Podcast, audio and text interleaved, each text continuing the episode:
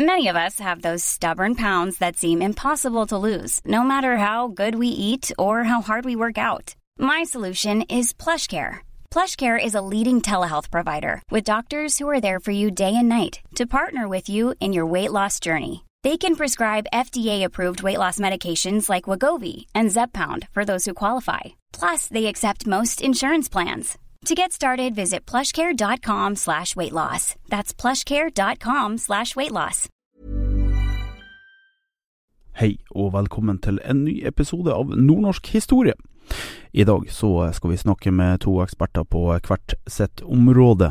Vi skal nemlig snakke om eh, Eidsvoll og Norge, disse to skipene som ble senka natt til 9. april.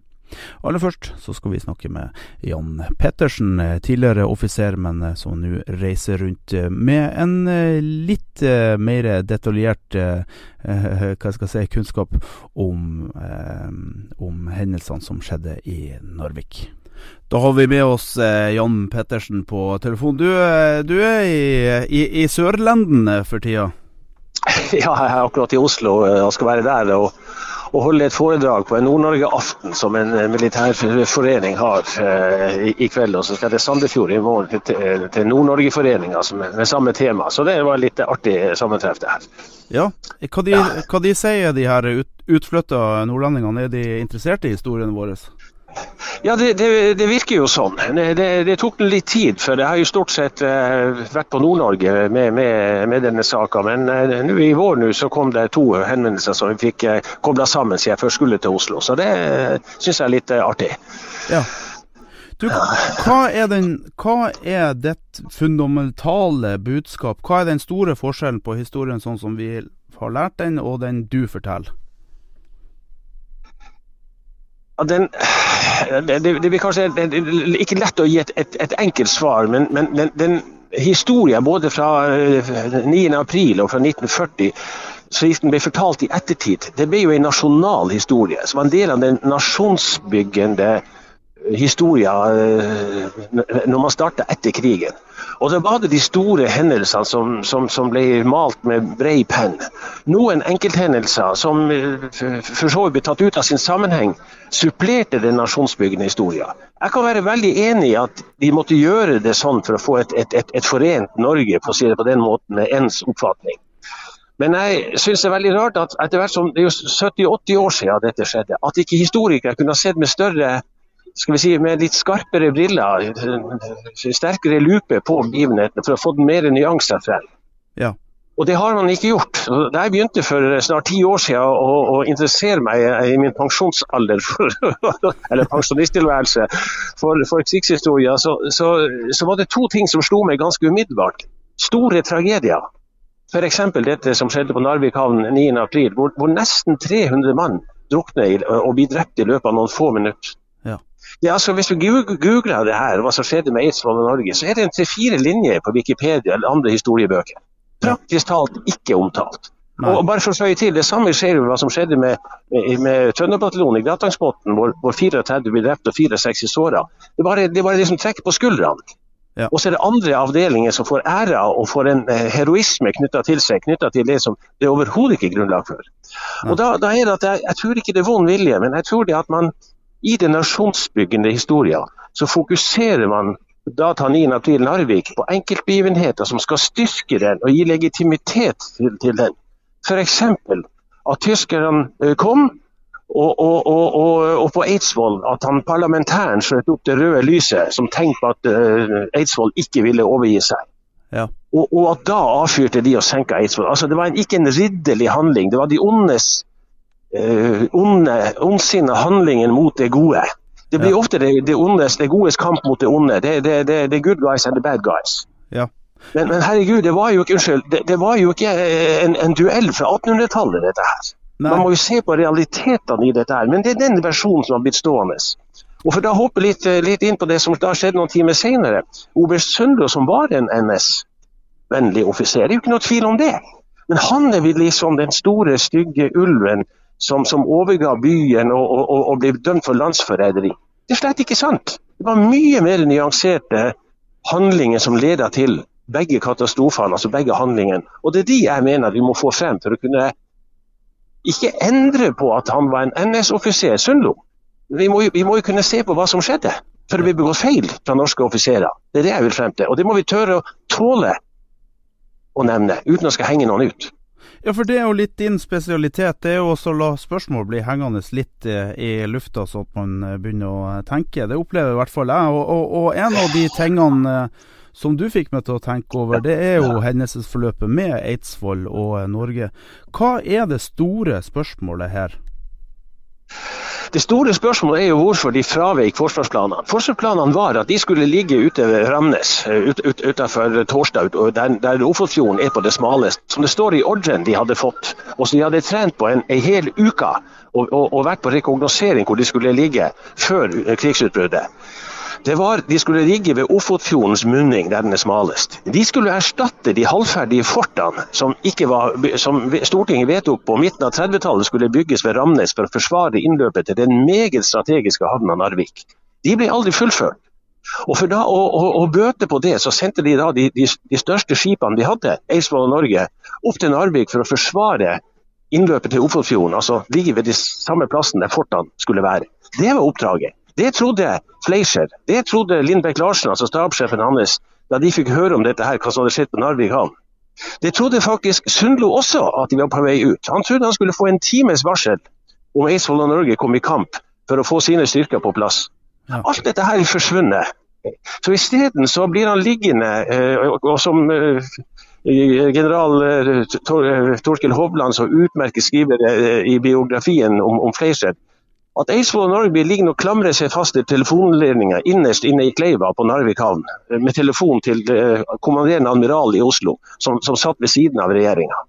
Okay. Og Da er det min påstand at den usikkerheten for, for situasjonen som råder i regjeringa, den forplanta seg via kommanderende admiral og oppover til Eidsvoll og Norge, slik at de ikke gikk ut og møtte fienden sånn som det var si, forhåndsplanlagt, eh, men ble liggende inntil ja, det var vel Eidsvoll ble beordra ut klokka åtte om kvelden utenfor Framnesodden. Og, og, og, og, klokka tolv om natta så spør Askim, kommanderende admiral, om det skal skytes med skarpt. Og da får han ordre om det skal skytes både på tyske og engelske skip.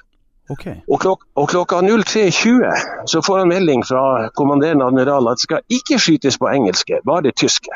Og Da kaster han loss og går ut, og kommer seg ikke utenfor havneinnløpet. Han blir liggende rett utenfor Malmkaia en times tid eh, før han eh, da blir engasjert av eh, Georg Thiele og, og Wilhelm Heidkamp, som da var kommet inn. Hvorfor, altså, kommer han, hvorfor, kommer han, seg ikke ut? Han kan ikke få tid til å komme seg ut, for han, han kaster loss for seint. Han starter forberedelsene til strid for seint. Og, og, og, dessuten, hvis man ser på det, det som han eh, Viggo Kristensen så utmerket han får frem i boka siden 'Helveteseilasen', han har et kart der så ser man at uh, altså, skipskirkegården i Narvik, hvor 34 skip er senka uh, de her timene, så kan jo ikke det være stedet for, for, for et krigsskip som skal manøvrere. Altså Selv en, en, en infanteri, en hæroffiser som meg skjønner jo det, at dette er et helt feil sted. Så det, det, det som er min påstand. De var, det, det, er ikke noe med motet til verken Willoch, som var sjef for uh, Eidsvoll, eller Askim, som var sjef for Norge og, og, og sjef for begge båtene. Det er ikke motet jeg snakker om. Men det, det, er vurderingen, det er usikkerheten. Det, det, I motsetning til en annen vesterrolling,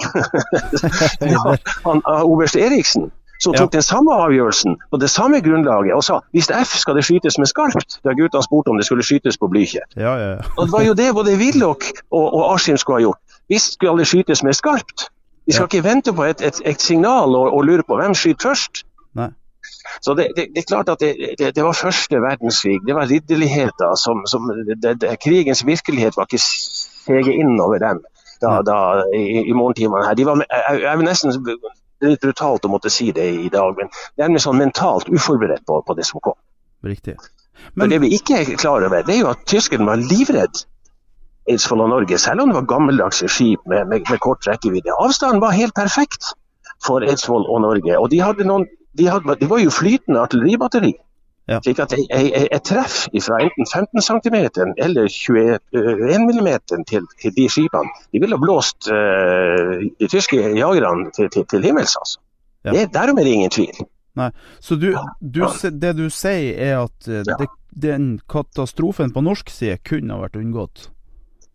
Ja, altså, Man vet jo aldri. Det kan jo godt hende at om de hadde engasjert dem i kamp, så hadde utfallet blitt det samme. Selvfølgelig var det eh, drøye 100 stykker som ble verga, så det, det, kunne blitt enda verre. Men jeg syns det er helt forferdelig at, at, at, at nesten 300 mann eh, går, går, fløyten uten at man, man får uh, ikke løsna altså, Willoch fikk ikke løsna skudd, men hadde god tid. Det er bevist av, av flere forfattere og historikere. Han hadde tid til å skyte.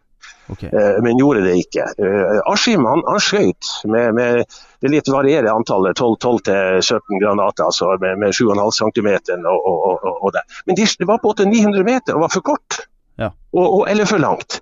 Det er også Der ser man jo at det er det mentale som spiller inn når, man, når, når det kom til, til ildkamp. Ja. Og det som, det som, er veldig få når man liksom går inn og ser på dette, liksom, kan nesten ikke forstå.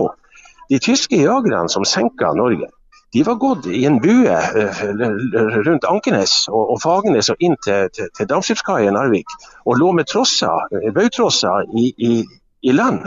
Og De tyske soldatene strømma i land fra båten. Da først fyrte han torpedoene utover og traff Eidsvoll og Norge.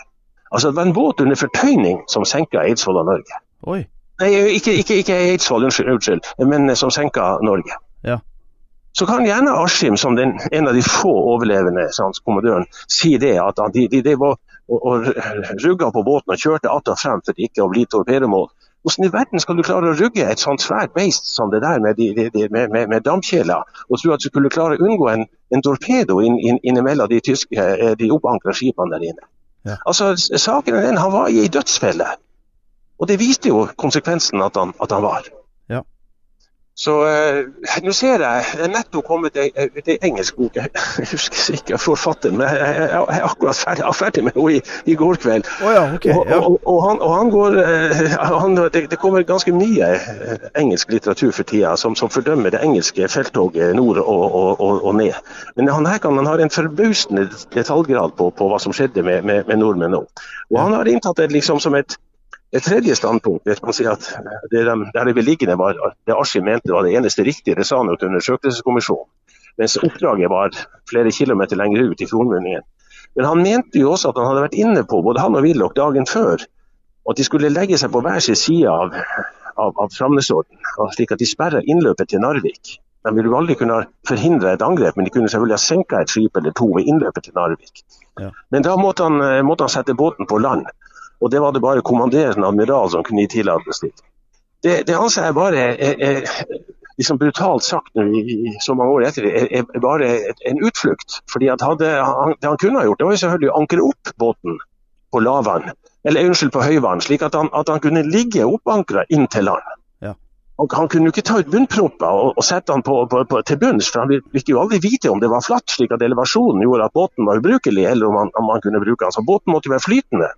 Ja. Men det han briten mener, han burde ha inntatt det standpunktet at han, at han permitterte alt unødvendig personell. At han bare hadde bemanna kanonene ved å, ved å forankre dem ute på, på, på ankersida og på, på. Og på den måten vært et, et regulært flytende artilleribatteri og kunne engasjert.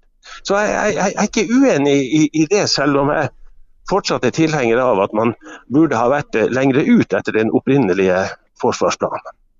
Hvilken type trening hadde de her unge guttene som var om bord? Ja, altså Historien sier at de uh, var sendt og lå i Tromsø uh, den siste måneden uh, før krigsutbruddet, og det med skarpskyting utenfor Senja. Og Så ble de beordret ned til Narvik uka før. og Der brukte de de siste dagene til å rekognosere ute i Ofotfjorden før de bestemte seg for hva de skulle gjøre. Og Så gikk de da inn til Narvik hvor de lå de, de siste to dagene. Så, så forberedelsene var vel egentlig så gode som det helt tatt var mulig på det tidspunktet for de båtene. Ja. Var de egentlig nøytralitetsvakt, eller? Ja, det var jo det. Det var jo den, den styrkinga av nøytralitetsvakta i Nord-Norge. Og, og, at de var sendt til Nord-Norge var jo en del av, av, av det. Men, men, det er jo ikke noe tvil om at, at Narvik havn uh, Narvik hadde vært en, en strategisk uh, by helt siden første verdenskrig, pga. jernbane og, og, og, den biten der. Og det, det, samme var han jo i forløpet til, til andre verdenskrig også. slik at det var jo en, en, en del av svaret ja, nøytralitetsvakta, altså styrke forsvaret av Narvik. Ja. Så det, det, så det, er jo den. Og, og, og, og jeg har jo i min beretning gått enda dypere inn på hva Fleischer er jo en ikke noe tvil om at jeg er en liksom, litt sånn beundrer av, av, general Fleischer. Men den største feilen han gjorde med hele felttoget, det gjorde han kanskje på, på morgenen da han beordra den, eller om kvelden før da han beordra Trønderbataljonen, som, som skulle forsvare Elvegårdsmoen inn til, til Narvik. Så gikk de hele natta for å bli møtt av tyske soldater på kaia i, i Vassvik når de kom dit. Ja. Slik at Elvegårdsmoen ble liggende helt forsvarsløs.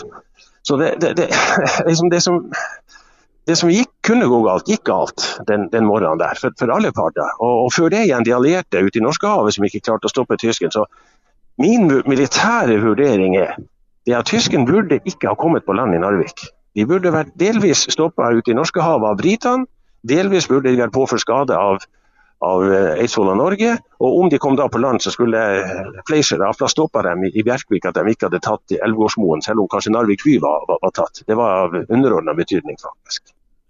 Hvor, hvor, langt unna var eh, Fleischer da, eh, på morgenen 9.4? Nei, Fleischer han var jo på, på, på inspeksjon i Øst-Finnmark. Eh, det, var en øvelse i, i, i Østblom. Det var jo den trusselen etter Finlandskrigen. Så det var jo en sånn russefrykt i, i den, den, norske militære ledelse. Ruge var jo særlig opptatt av den, og det var for så vidt Fleischer òg. Det var jo også derfor vi hadde nøytralitetsvakt i Finnmark. Så han var, han var der.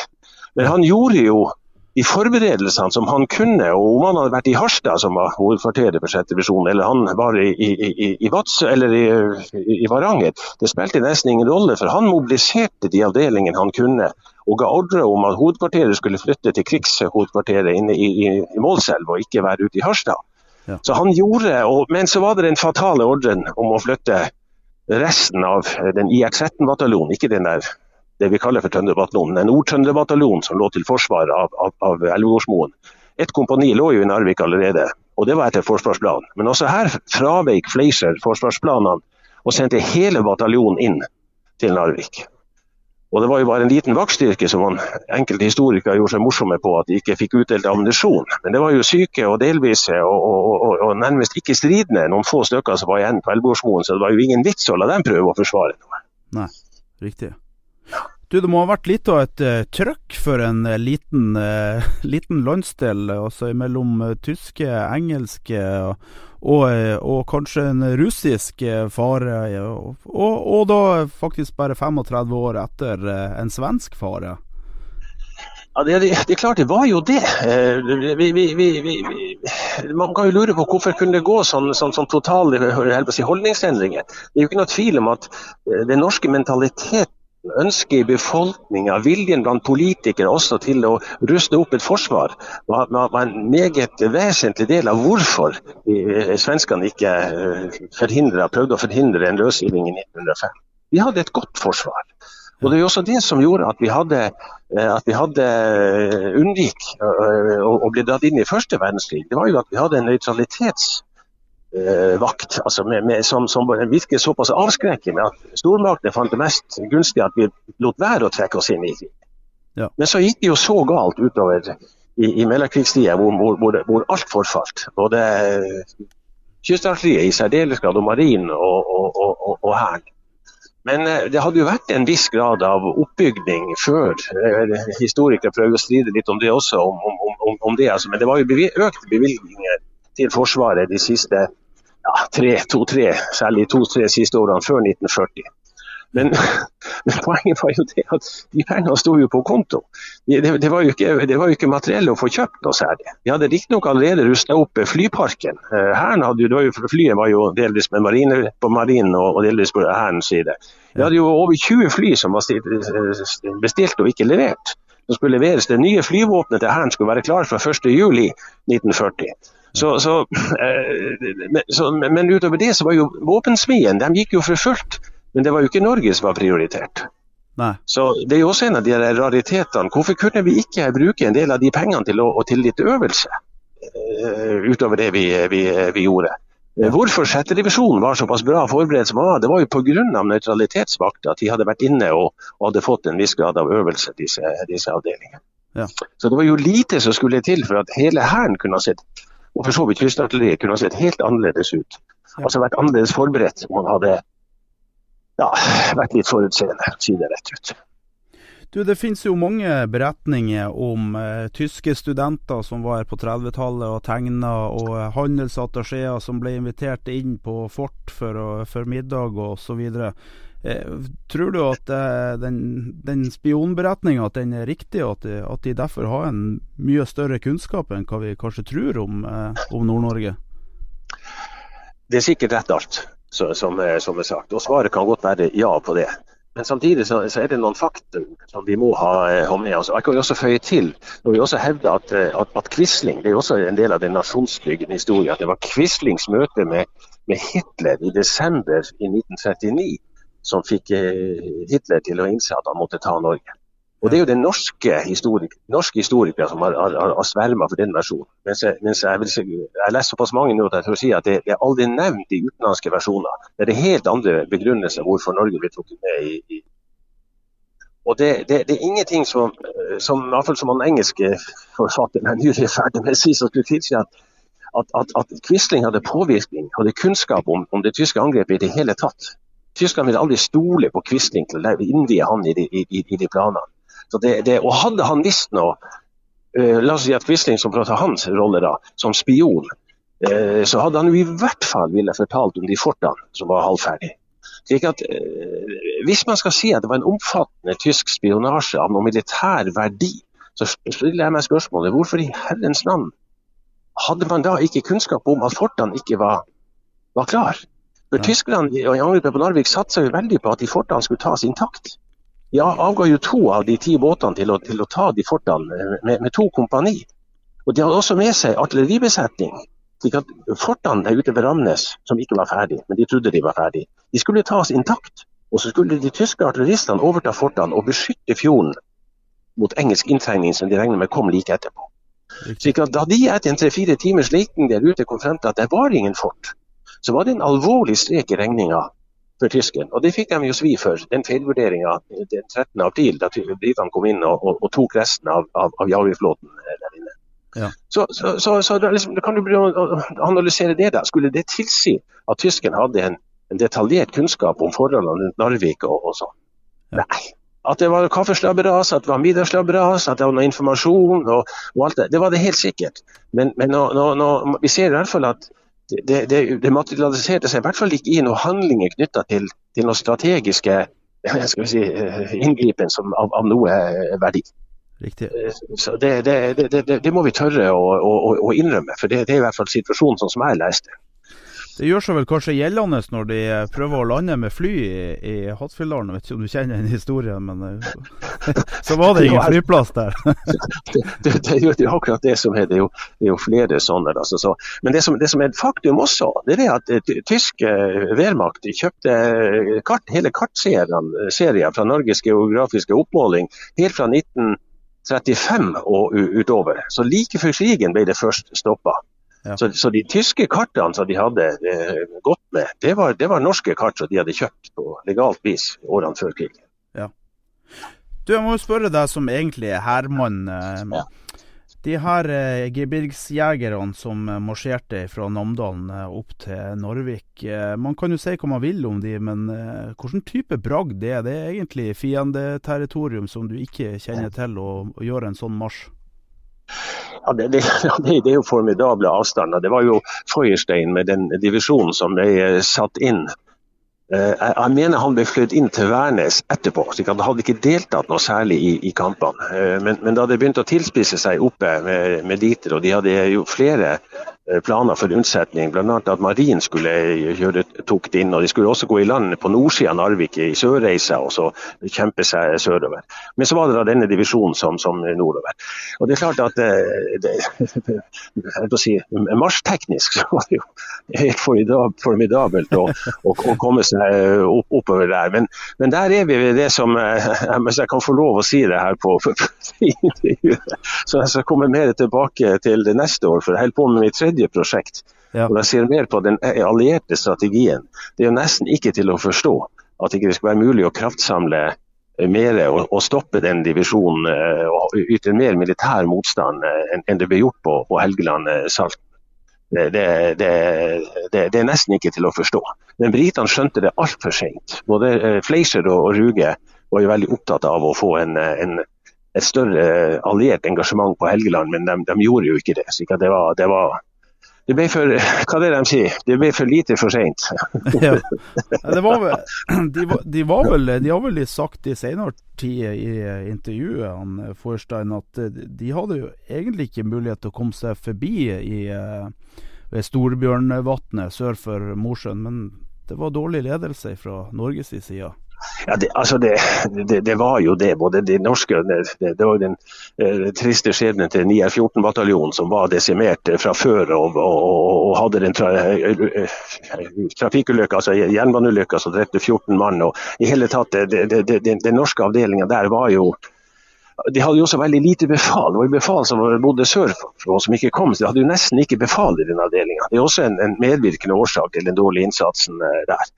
Men, men så kom det den britiske innsatsen av de her såkalte fem independent companies som de, de lagde til dette. her. Alt var for puskete, for å si det rett ut. Uh, og, og, og det, det, det, føyer seg inn i den, uh, den, den, den uh, unnskyld at jeg sier det, elendige allierte ledelsen av, av, av det felttoget, både i Midt-Norge og, og, i Nord-Norge. Det er jo også noe som vi fra norsk side aldri har brukt sånne sterke ord om. Det gjør jo britene sjøl nå. De er jo nådeløse i sin kritikk i de bøkene som skrives i, i de, siste årene om, om, dette. Men i Norge har vi jo aldri tatt og titta på det med, med, et norsk perspektiv. Nei. Men hva var det, hva var det britene egentlig ville her? Hva, hva ville de oppnå med å, med å, hjelpe oss?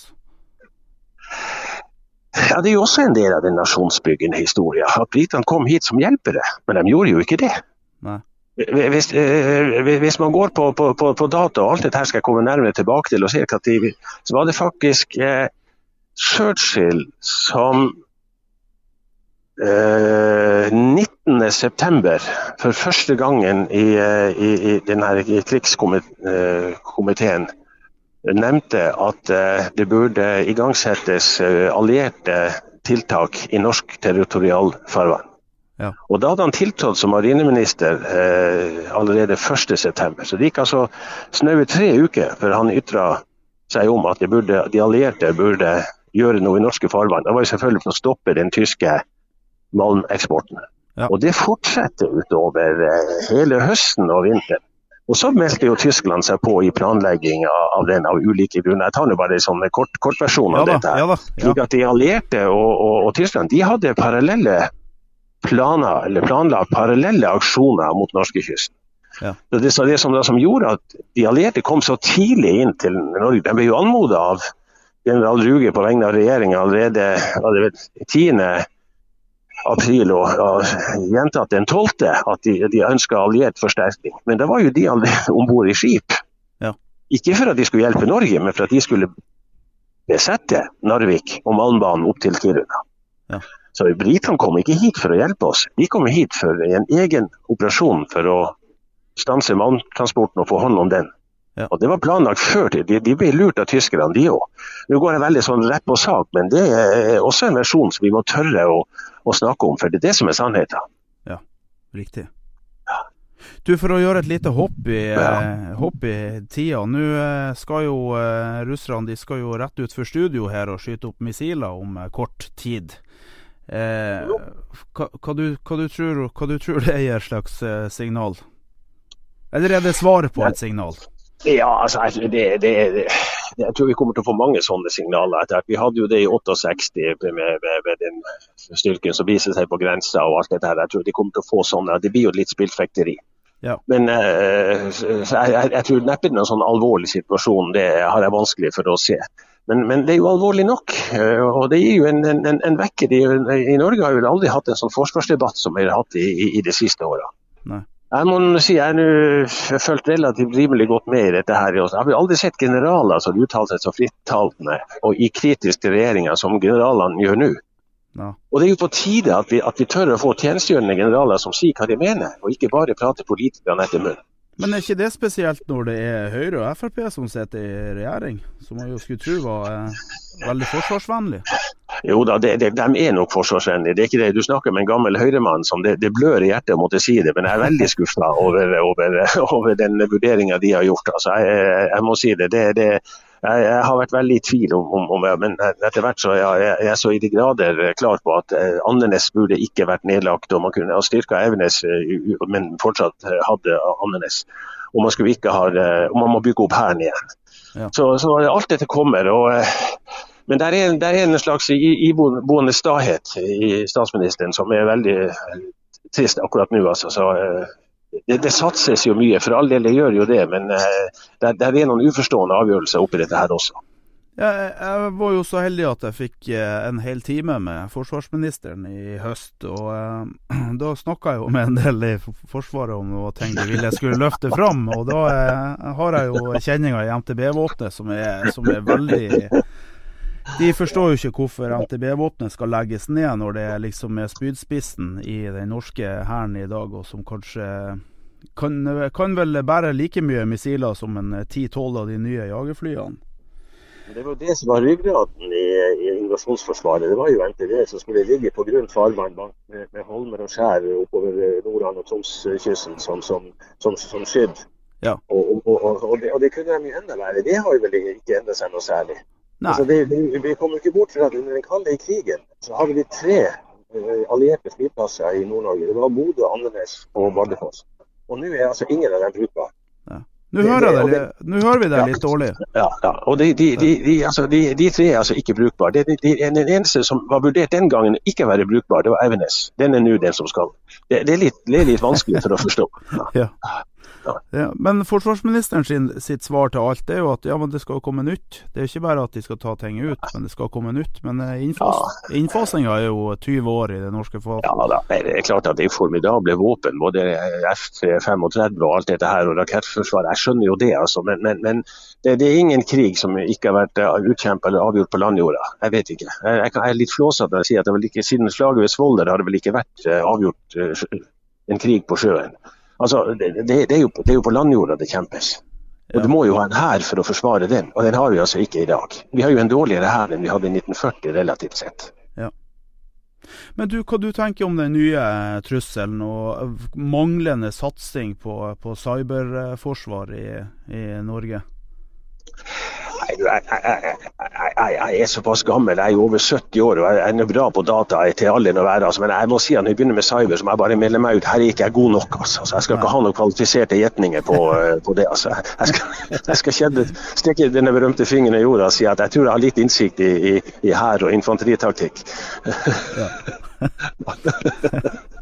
Men du, hva, hva, de, hva, de, hva, sier de her eh, som er med i de nordnorske foreningene når du eh, kommer? Hva er det de vil vite?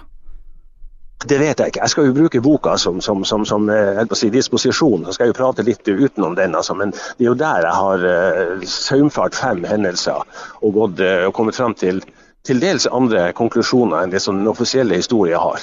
Ikke så dramatisk nytt, men det er jo supplementer. Enten det nå er angrepet på Narvik eller det som skjedde i Grattangen. osv. så videre. Men uh, så jeg får jo håpe at de tar vel imot den. Uh, og, også her, nede, her nede, den, det budskapet jeg har. Ja. Er de, er de, er de stolte av sin nord nordnorske historie? Det har jeg jo all mulig grunn til å tro. Altså. Det har jeg jo all, all mulig grunn til å tro. I, I, dag så er det, det er vel en sånn, sånn fellesforening som over, over flere sånn veteranforeninger som har et møte i Forsvarsmuseets aula i dag. og Da er det en sånn Nord-Norge-aften hvor det skal komme en som har vært uh, sjef på, på Vardøhus festning, som skal holde, prate om kampene i Finnmark og og Mariens innsats. Så Vi skal holde to sånne separate foredrag. Så uh, ja, I dag er det fokus på Nord-Norge her nede. Så det er jo litt uh, artig å bli invitert til det. Ja. Er det noen som kan være fullstendig uenig i deg under de her foredragene? Nå må jeg jo bare si som sant, jeg bruker ved enhver anledning si det, at hvis noen er uenig med meg, så må jeg gjerne komme med det. Og, og, og har jeg tatt feil på noen punkt, så skal jeg mer enn villig innrømme det. Men det eneste jeg må kunne kreve, det at det kommer en dokumentasjon som forteller at min øvrige kilde tar feil. Ja. Så langt har jeg jo snakka med noen hundre uh, og, og, sagt dette her, og, og ikke, ikke kommet en eneste pust av, av motstand mot, mot, det jeg sier. altså. Så, så, det, og det, det, For å være helt ærlig, det høres litt sånn brutalt å si det, men det, det skal sannelig ikke være lett heller. Nei. For det er så grundig dokumentert at det, det, jeg har jo trukket konklusjoner på basis av kilden. Det er jo ikke noe jeg suger av eget pust. Nei. Nei, men det ser jeg jo. Du har vært i, vært, vært i, i diskusjon på nettet. Så det, det, kommer jo ikke opp noe. Det er jo ikke noe som dokumenterer noe. Det er bare utsagn som man har lært på skolen.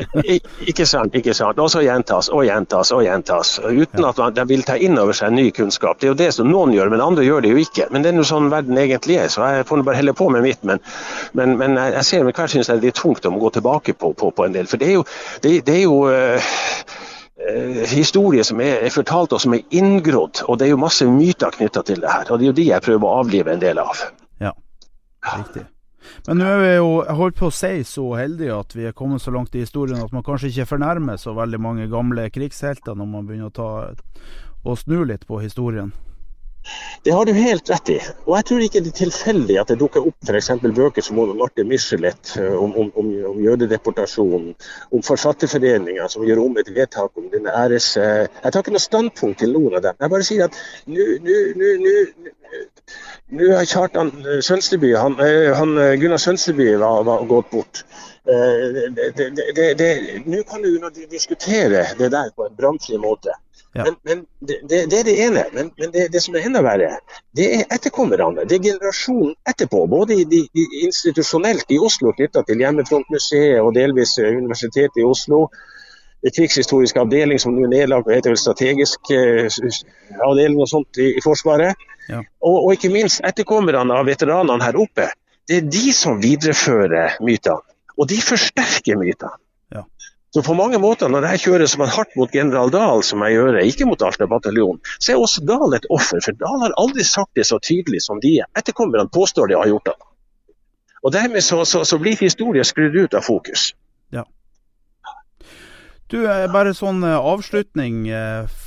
Eh, når har det gått nok mange år til vi kan begynne å diskutere Bergkompani 2 sin rolle i Finnmark i 1944?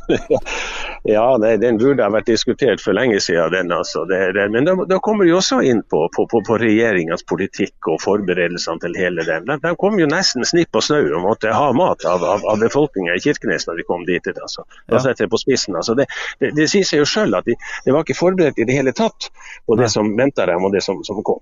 Så, så, og, og, så, det er klart at det, det, men det, det, er en jobb som andre får uh, ta av. Jeg, jeg, tror Når jeg er ferdig med neste prosjekt om et år, hvis jeg uh, får tid å gjøre det, så, så, så, tror jeg jeg må begynne å gi meg. altså Må passe meg nå. Ja, det var det.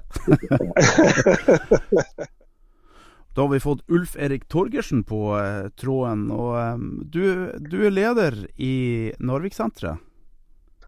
Jeg er museumsleder i Narvik-Sentrum, Narvik krigsmuseum. ja. Har, har, dere et spesielt fokus på historien som er litt annerledes enn den generelle eh, fokuset?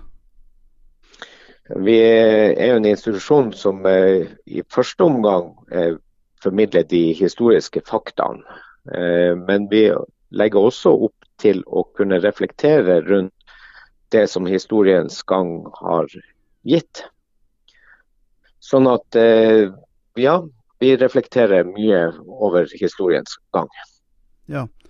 Vi har nettopp intervjua Jan Pettersen i forhold til den store katastrofen hvor 286 eh, mennesker mista livet. Hvordan, hvordan påvirkning hadde det på folket i Narvik?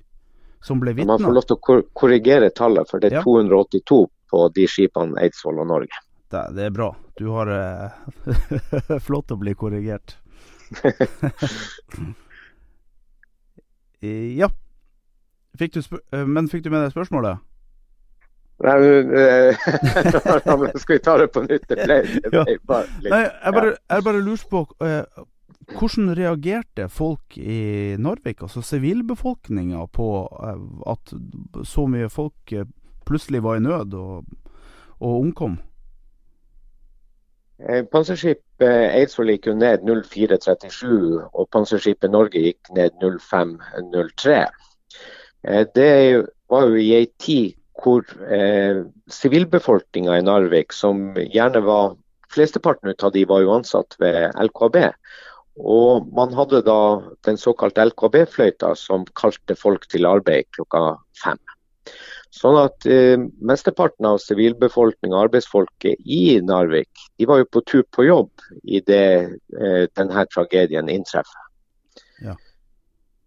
Eh, som eh, du sier, 282 norske sjøfolk går ned på Narvik havn. Men eh, det overlever jo 96 på panserskipet Eidsvoll og 8 eh, unnskyld, 96 på panserskipet Norge og 8 på panserskipet Eidsvoll. Det er jo folk som eh, da greier å ta seg i land på en eller annen måte etter å ha svømt et godt stykke i kulda i april, eh, aprilvann. Ja. Eh, etter å ha opplevd en humanitær katastrofe i utgangspunktet. Ja. Eh, det vi vet, det er jo at både personellet om bord på skipene som overlevde, og en del ut av den sivile beredskapen i Narvik, derunder eh, bl.a. Narvik Røde Kors, ble jo mobilisert for å gå mangar langs fjæra og plukke opp overlevende, eller eh, døde som ble skylt i land. Hvor fort kom det i, i gang? Eller var, var, folk klar over hva som, hva som skjedde? Ja, Den kom rimelig fort i gang. Eh, man skjønte hva som hadde utspunnet seg på Narvik havn, og de ble innkalt og gikk manngard langs fjæra i lag med, med, kollegaer som hadde overlevd eh, senking av skip. Var, var, det et sjokk for, for, for, for, folk, eller var folk forberedt på at det kunne komme krigshandlinger helt opp i, i stuedøra? Man kan jo fortelle hvor mye man vil, både gjennom nyhetsmedia og sånne ting, at uh, trusselen er nær. Men eh, ingen skjønte noe før det egentlig smalt. Ja. Og var forberedt på egentlig hva som kunne komme til å utspanne seg, og som ikke minst utspant seg. Men var det de første, det de første smellene i, i Norvik? Eh, ja, det er de første smellene som skjer. Eh, og Det er jo også ei tid før krigserklæringa mot Norge blir overlevert eh, til sentralmyndighetene i Oslo. Eh, kom de for tidlig, egentlig, tyskerne? Nei, det var jo et rimelig samordna og koordinert eh, angrep eh, som skulle i utgangspunktet inntreffe 05.00 eh, på alle de syv plassene i Norge. Ja. og den nordligste flotiljen, eh, tyske flotiljen som ble sendt, ble jo sendt da til Narvik. Eh, og man vet jo sjødistansene fra de her to flotillene både til Trondheim og til Narvik forlot hverandre er stor. Sånn at man vel, kan vel kalle det for et godt og vel planlagt angrep. Ja, riktig. Eh, og så kommer de i gang da og går, går manngard. Eh, og, og hva, hva, er det som møter dem?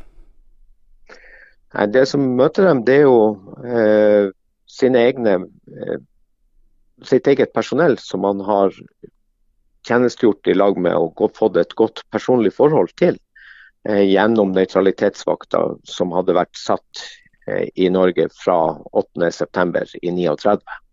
Ja. Så det var folk de eh, kjente, altså, som, som var en del av dagliglivet i Narvik? Det var jo folk eh, som man hadde tjenestegjort om bord i lengre tid med, som eh, også kom eh, fra samme plass som kanskje overlevende gjorde. Ja. Sånn at det her kunne være nabogutten eller nabokompisen eh, like godt som det kunne være en familiemedlem. Ja. Har du inntrykk av at det, at, at det var mye nordnorske ungdom som var sjøfolk? Om bord på panserskipet så ser vi besetninger eh, fra hele landet. Ja. Det var ikke noe utprega eh, nordnorsk eller sørnorsk. Det var folk som var innkalt til nøytralitetsvakt og tjenestegjøring om bord på panserskipene. Ja. I forhold til verneplikten. Hvordan var mottaksapparatet da når man fant de overlevende? og eh, hvordan, hvordan ble det her håndtert på land? Det som vi vet er at de ble samla i byens brannstasjon, hvor man satte i gang registreringsarbeid og fikk dokumentert personlige ting som de her personene hadde på seg.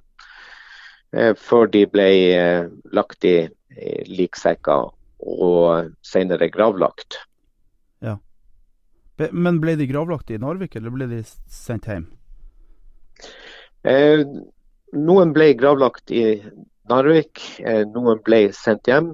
Eh, men etter krigen så eh, fant man ut at alle skulle ha sin grav i sin hjemkommune.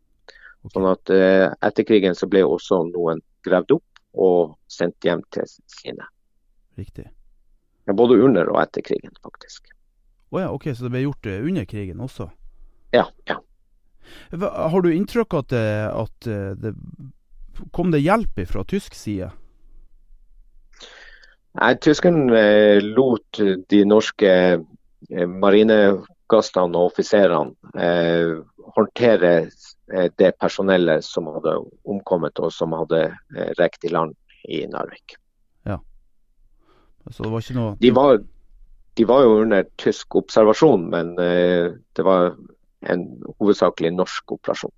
Ja, Men, men ikke noe hjelp å få fra uh, tyskerne?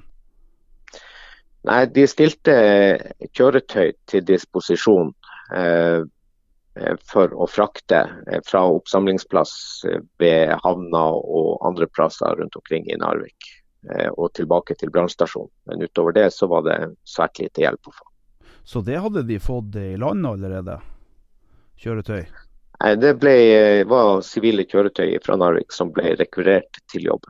Ja vel, ok. Eh, deriblant så hadde Narvik Røde Kors en egen ambulanse som også gikk i det arbeidet. Ja. Du, hva, de, de, de som overlevde det her, hvilken type oppfølging fikk de? Det var ikke noe annet eh, oppfølging enn å eh, bli satt under tysk arrestasjon eh, og eh, ble etter krigen måtte bli avkrevd at de ikke skulle ta opp våpen mot de tyske okkupasjonsstyrkene. Og så ble de sendt hjem. Akkurat. Så det måtte de sitte lenge i, i, tysk fangenskap da, eller? De, de var eh, hovedsakelig internert i skolebygning i Narvik. Ja. Sånn at eh, det var under tysk eh, kan du si, kontroll. Riktig. Ja. Du, hvordan... eh, ingen, ingen ut av de her var jo våpen eller noe sånt Nei. i denne tida. Nei. Men eh, kjenner du noen historier fra etter krigen i forhold til Har det vært noen psykiske følger som, som har kommet fram? Det er klart, det her eh, hva du har sett og hva du har opplevd, eh, har vi jo mange rapporter på ja. eh, i ettertid. Og ja, folk hadde både fysiske og psykiske skader ut av det de hadde opplevd. Eh, traumer, andre ting. Eh, som gjorde at eh, den psykiske helsa eh, ble dårlig, og spesielt kanskje i voksen alder. Ja. Da de gikk av med pensjon og skjønte egentlig at de hadde fått etterkommere, man har stifta familie, man hadde overlevd. Og eh, slektstre kunne bæres videre. Ja.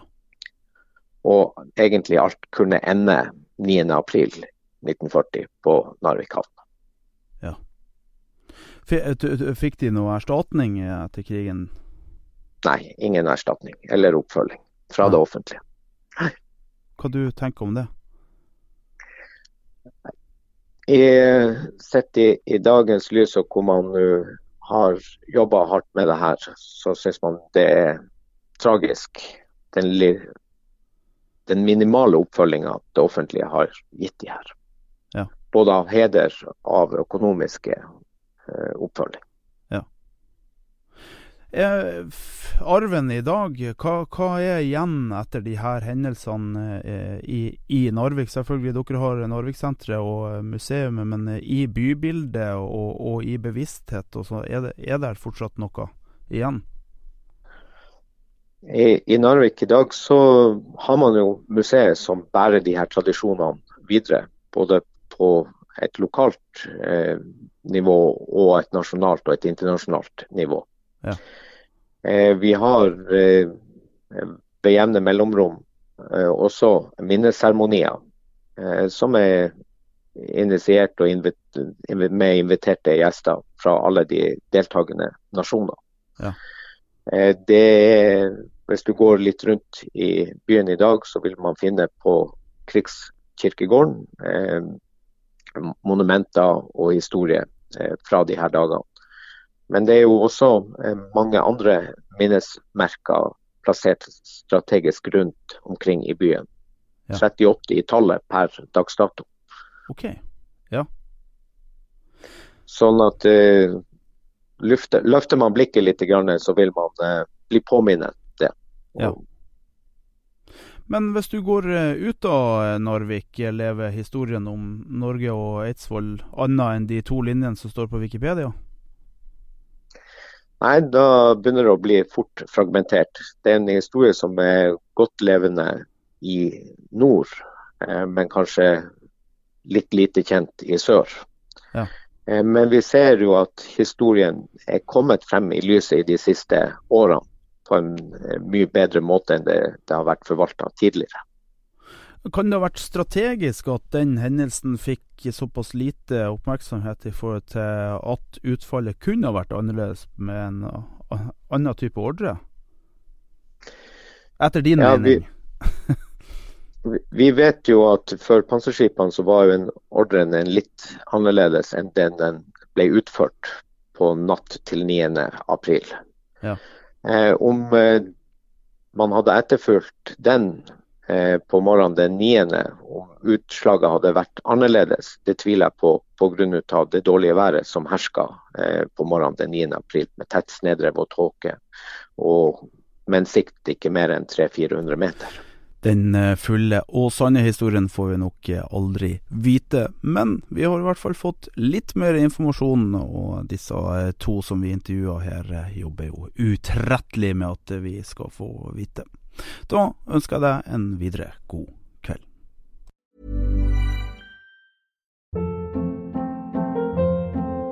Hold up. What was that? Boring. No flavor. That was as bad as those leftovers you ate all week. Kiki Palmer here, and it's time to say hello to something fresh and guilt-free. Hello Fresh. Jazz up dinner with pecan-crusted chicken or garlic butter shrimp scampi. Now that's music to my mouth. Hello Fresh. Let's get this dinner party started. Discover all the delicious possibilities at hellofresh.com.